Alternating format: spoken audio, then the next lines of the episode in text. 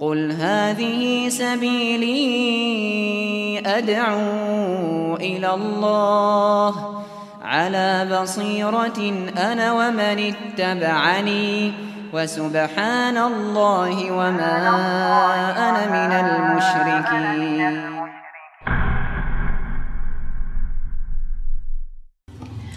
Bismillahirrahmanirrahim. Alhamdulillahirabbil wassalatu wassalamu ala asyrafil anbiya wal mursalin nabiyina Muhammad wa ala alihi wa man tabi'ahum bi ihsani ila. Allahumma inna nas'aluka ilman nafi'a wa rizqan thayyiba wa amalan mutaqabbala. Kita masuk sesi yang ke-12.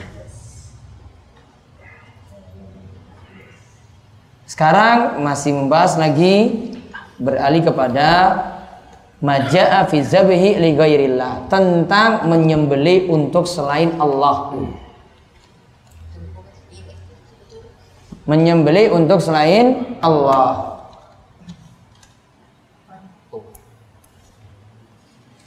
Nanti ada beberapa dalil yang menunjukkan menyembeli tumbal pada selain Allah hukumnya adalah syirik akbar.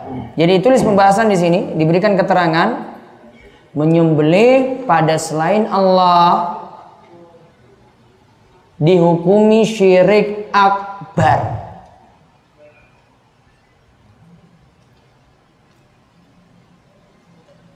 Walaupun memakai bismillah. Karena ada yang pakai bismillah namun ini untuk sedekahan untuk kayu besar, batu besar atau untuk penguasa laut.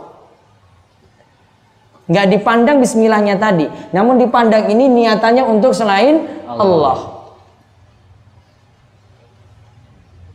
Apalagi kalau tidak pakai bismillah, pakai nama sesembahannya, kemudian niatannya untuk selain Allah, siriknya double. Ya, jadi dia pakai nama dengan nama penguasa laut ini terus disembelih. Niatannya lagi untuk selain Allah tadi. Syiriknya jadi dua kali.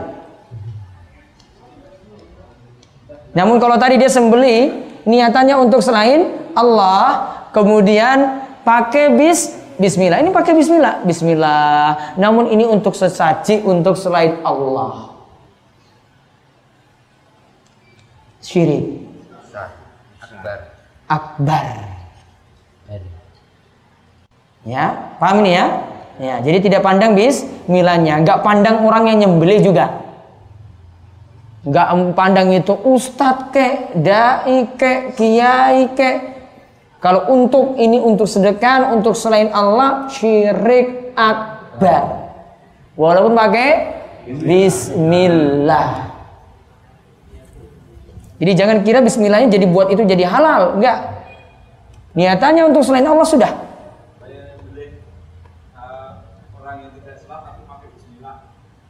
Orang yang nyembeli tidak sholat pakai Bismillah. Ah, ini bukan untuk selain Allah, ini bukan untuk sedekahan tadi.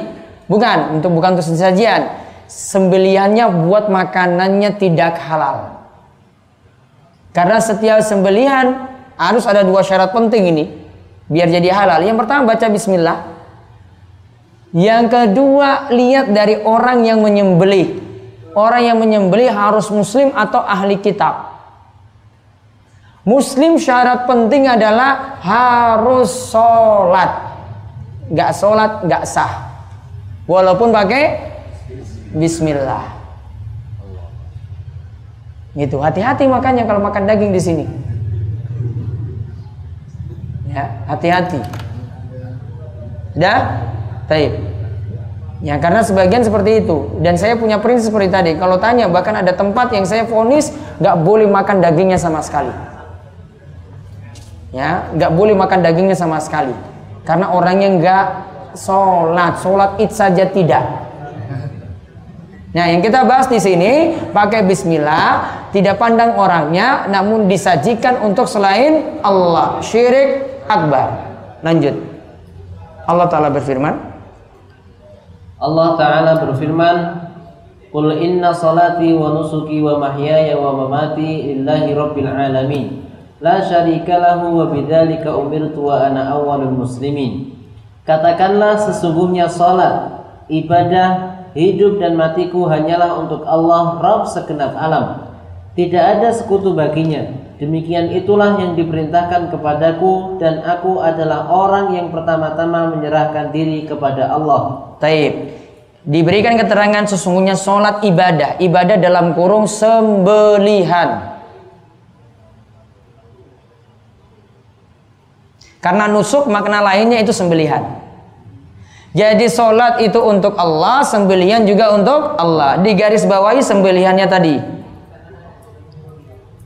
Hanyalah untuk Allah, sampai hanyalah untuk Allah. Itu tanda sembelian tidak boleh pada selain Allah. Kalau ditujukan pada selain Allah, masuk dalam perbuatan syirik.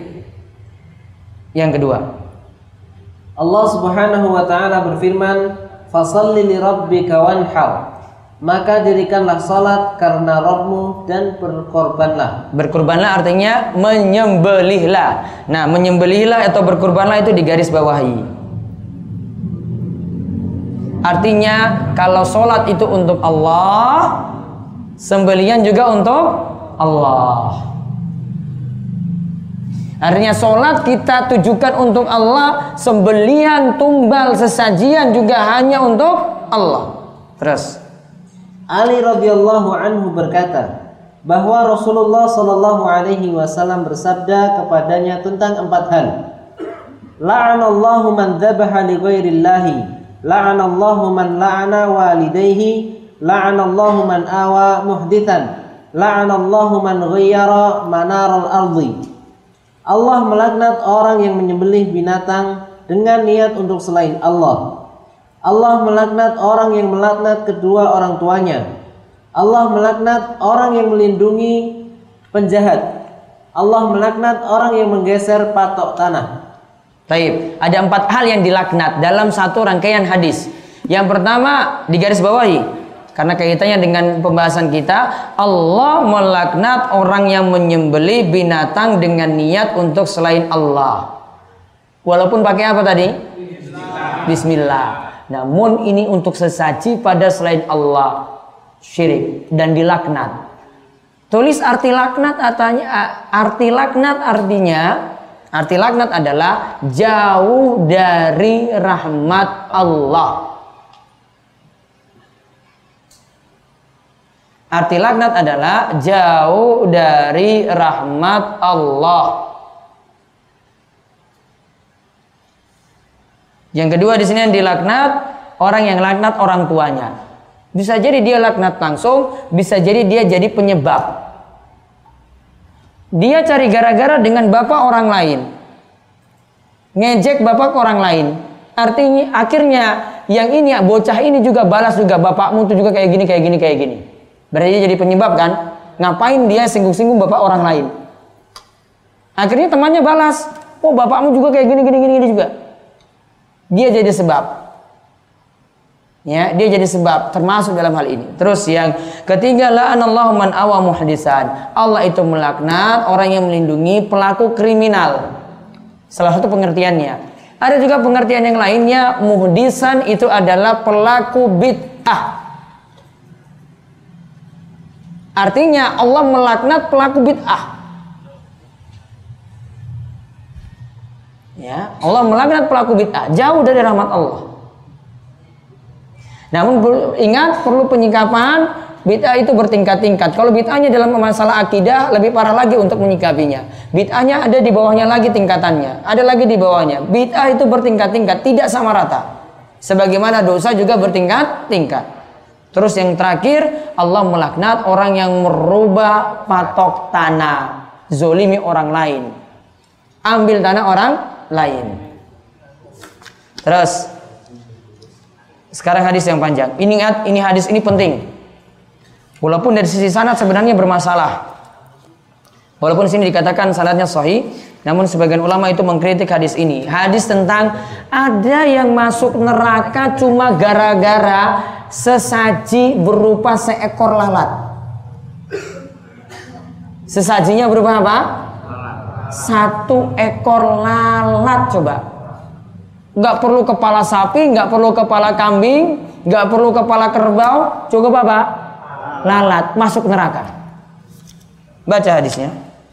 Tariq bin Syihab radhiyallahu anhu berkata bahwa Rasulullah sallallahu alaihi wasallam bersabda, ada orang yang masuk surga karena seekor lalat dan ada pula orang yang masuk neraka karena seekor lalat.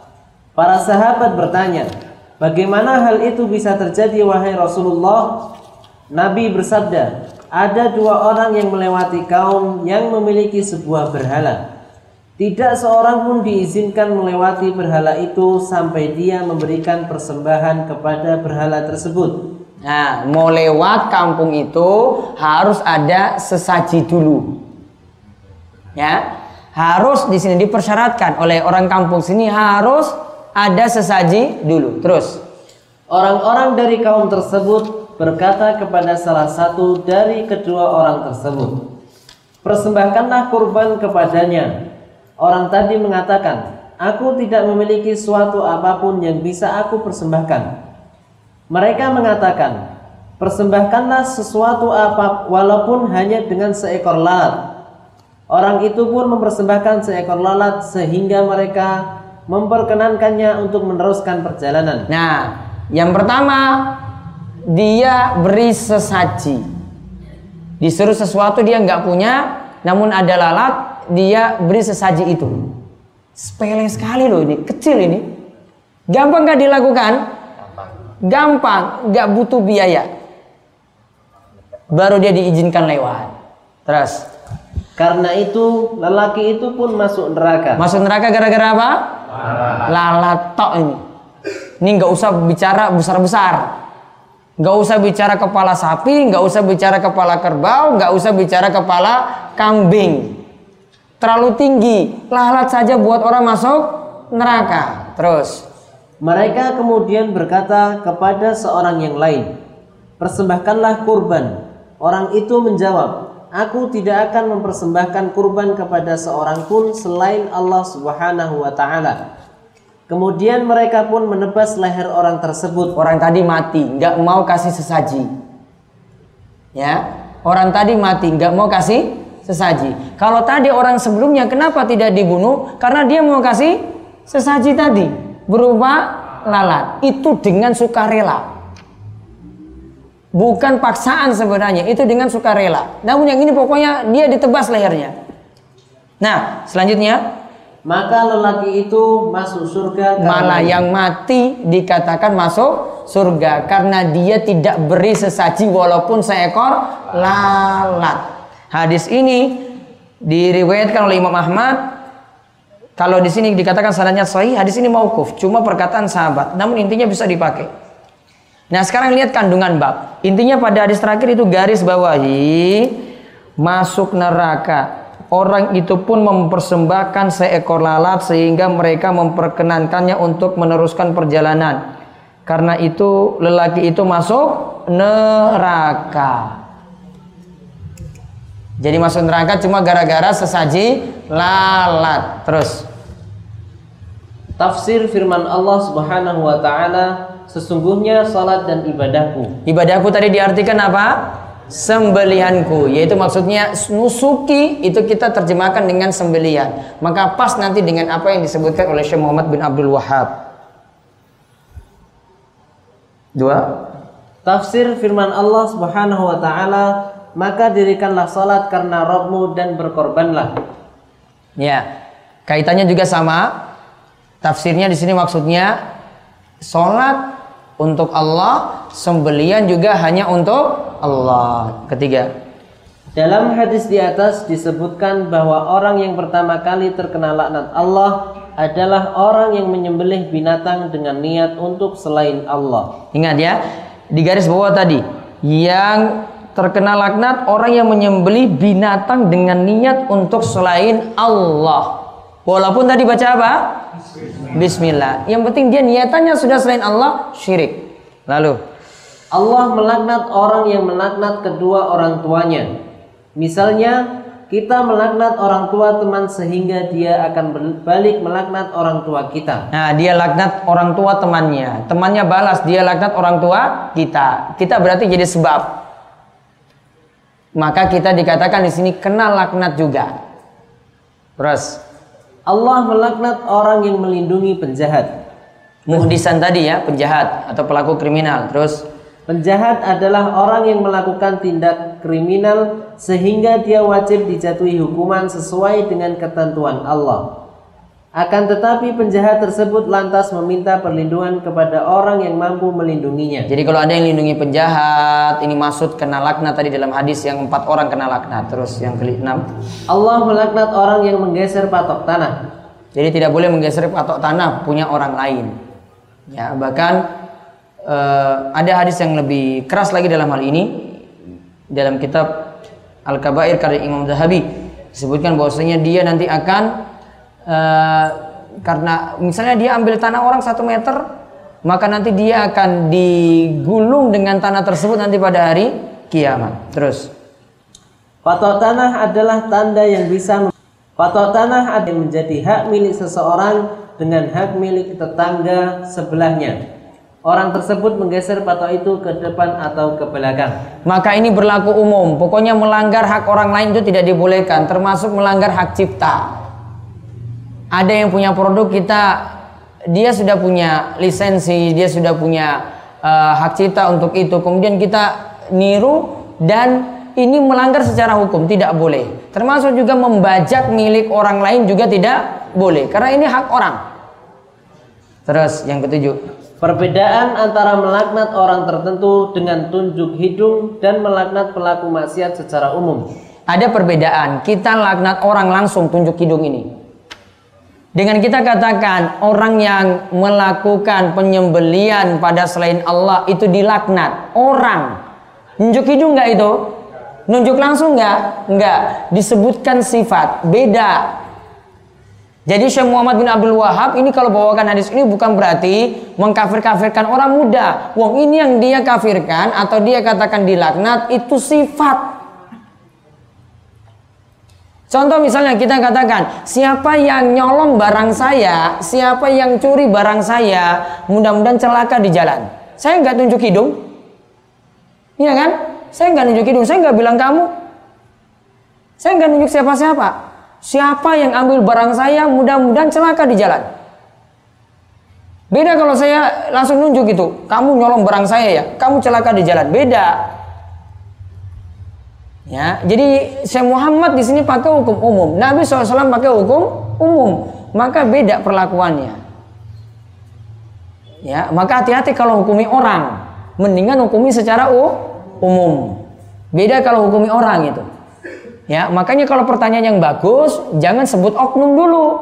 Wah, ini bapak saya, ini lakukan perbuatan syirik kayak gini-gini. Kasihan kalau nyebut bapaknya. Namun sebut aja, ada orang yang lakukan perbuatan kayak gini, gini, gini, gini. Enak kalau kita bahas hukum. Yang ke delapan, Kisah lalat di atas adalah kisah yang sangat menarik. sembilan. Orang yang masuk neraka itu disebabkan karena mempersembahkan seekor lalat. Sebenarnya dia sendiri tidak pernah berniat berbuat demikian, tetapi dia lakukan agar bisa terbebas dari perlakuan buruk kaum pemuja berhala tersebut. Pokoknya dia ingin bebas, dia kasih sesaji. Inilah yang salah yang buat dia masuk neraka. Sepuluh. Mengetahui kadar kesyirikan yang menja- menjangkiti hati orang yang beriman.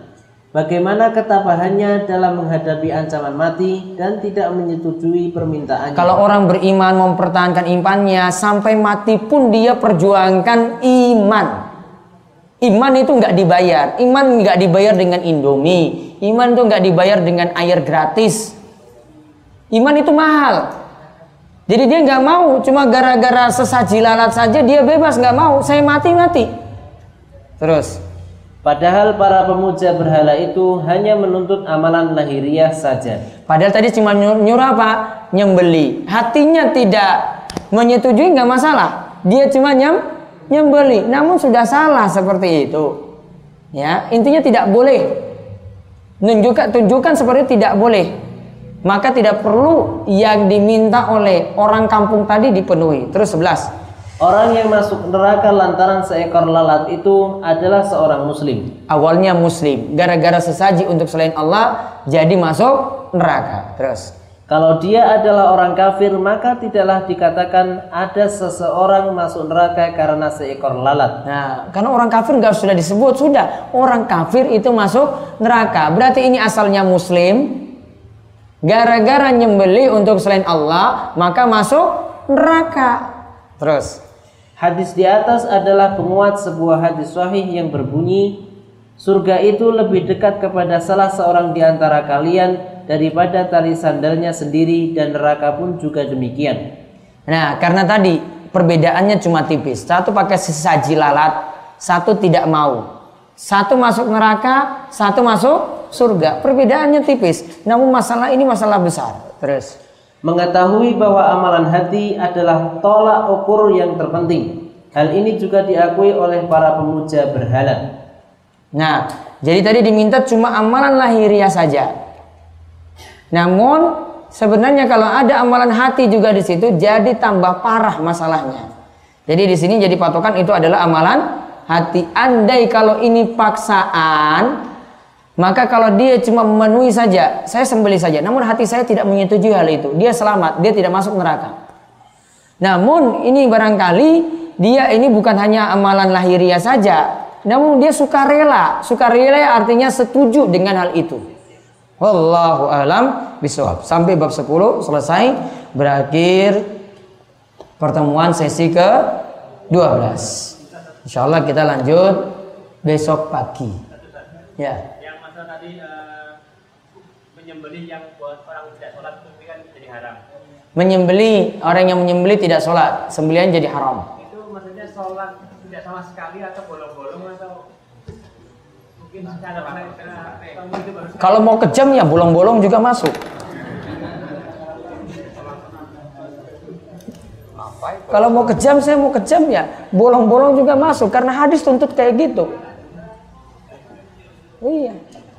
Makanya yang aman ya cari yang muslim. Namun kalau kita tidak tahu dagingnya itu dari mana, ini di di wilayah kita tuh wilayah muslim, sudah dimakan saja, nggak usah tanya-tanya. Tanya-tanya resiko malahan mengelung menggelung jenggot apakah sama dengan mengepang jenggot? Sama hampir sama seperti itu. Intinya orang jahiliyah dulu melakukan dalam rangka takaburan untuk kesombongan. Ada lagi? Said?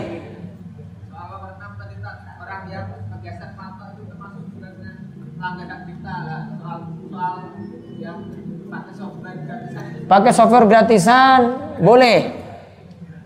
Gratisan kan Nggak baca kan berarti? Melanggar hati kita kenapa? Wah, berarti itu bukan itu gratisan yang bermasalah. Kalau ini ada software misalnya Office, kita bajak, dihack. Kata kuncinya kita dapat untuk masuk ke situ. Dihack tadi ya agar bisa masuk itu membajak zolimi orang lain walaupun itu yang punya orang kafir. Orang kafir nggak boleh dizolimi. Nggak boleh.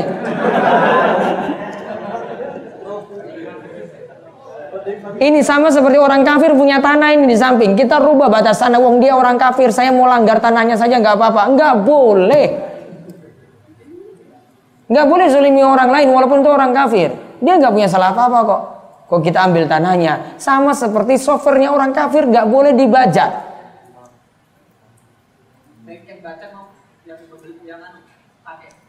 Yang bajak yang pakai sama. Baik. Untuk menjual yang apa seperti keris yang berpetuah itu uangnya haram atau halal? Keris yang yang maksudnya punya isi. Ya otomatis kan mahal banget. Keris yang punya isu mahal banget berarti ya. Terus? Nah, itu halal atau haram uangnya itu? Gak boleh dijual. Membantu dalam kesyirikan. Uangnya uang haram. Namun kalau kerisnya cuma pajangan boleh. Ya beda. Niatnya beda ini sudah ada isinya. Terus?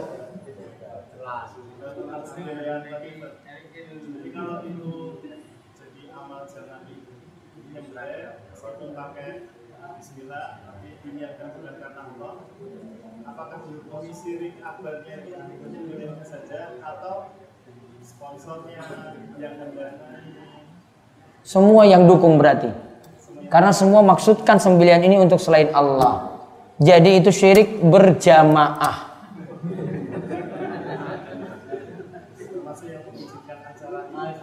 Iya, dia ta'awun juga untuk itu berarti. Nyupport, dukung, izinkan masuk. Terus, di tengah-tengah masyarakat kami itu kan ada budaya ramelan. Nah, itu kan itu ada penarikan uang. Ada budaya semacam itu, kemudian penarikan iuran. Terus, Kita mau bagaimana? Enggak nyumbang untuk kali itu. Jenengan nyumbang malah masalah.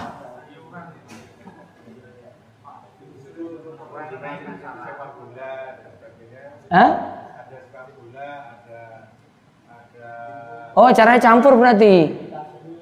terus kita kalau dikerokan saya nyumbangnya untuk sepak bola. Nah, gitu aja. Jangan nyumbang untuk sepak bola, nggak mau untuk acara ini. Itu lebih aman. Ya, masih aman. Baik.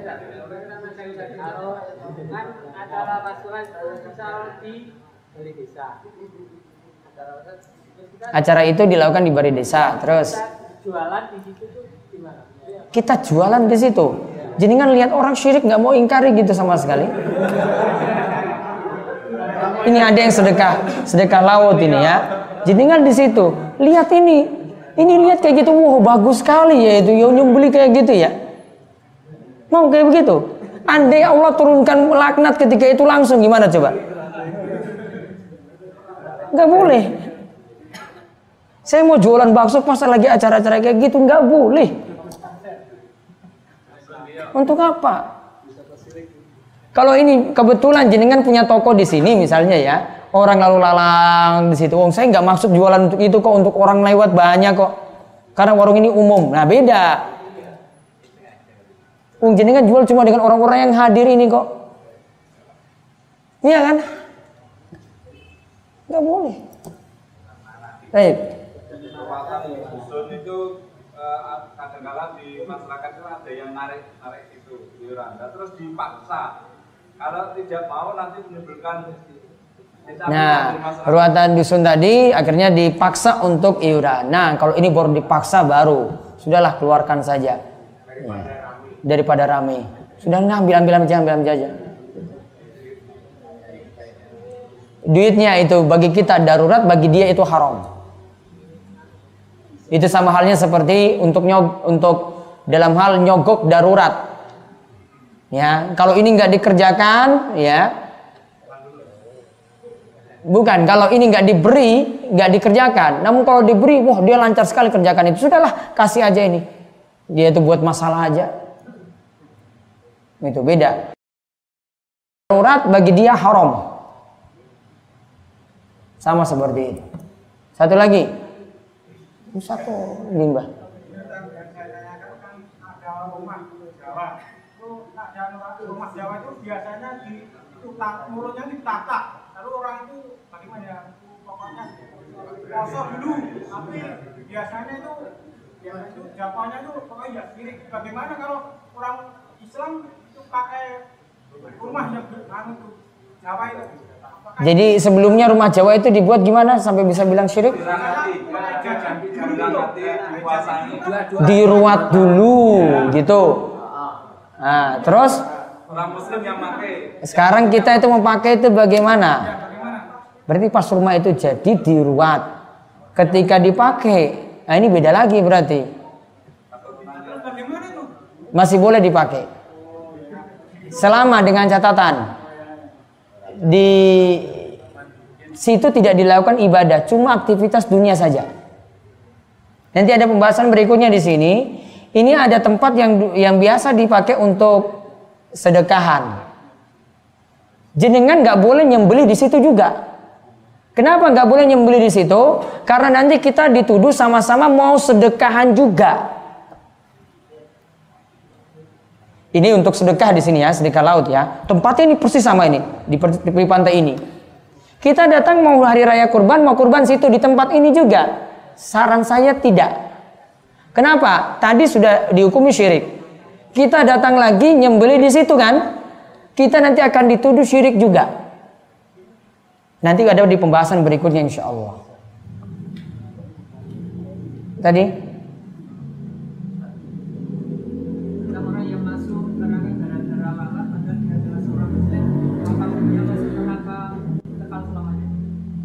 Pembahasan awal gimana tadi?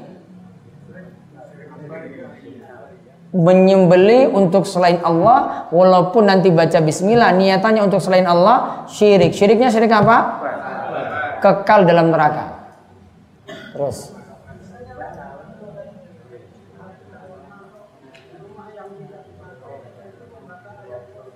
Rumah tidak dipakai terus kita baca ayat terus tidak Bahkan baca surat Al-Baqarah dalam rumah akan membuat setan itu terusir dari rumah. Ya, baik. Tadi sini mana tadi?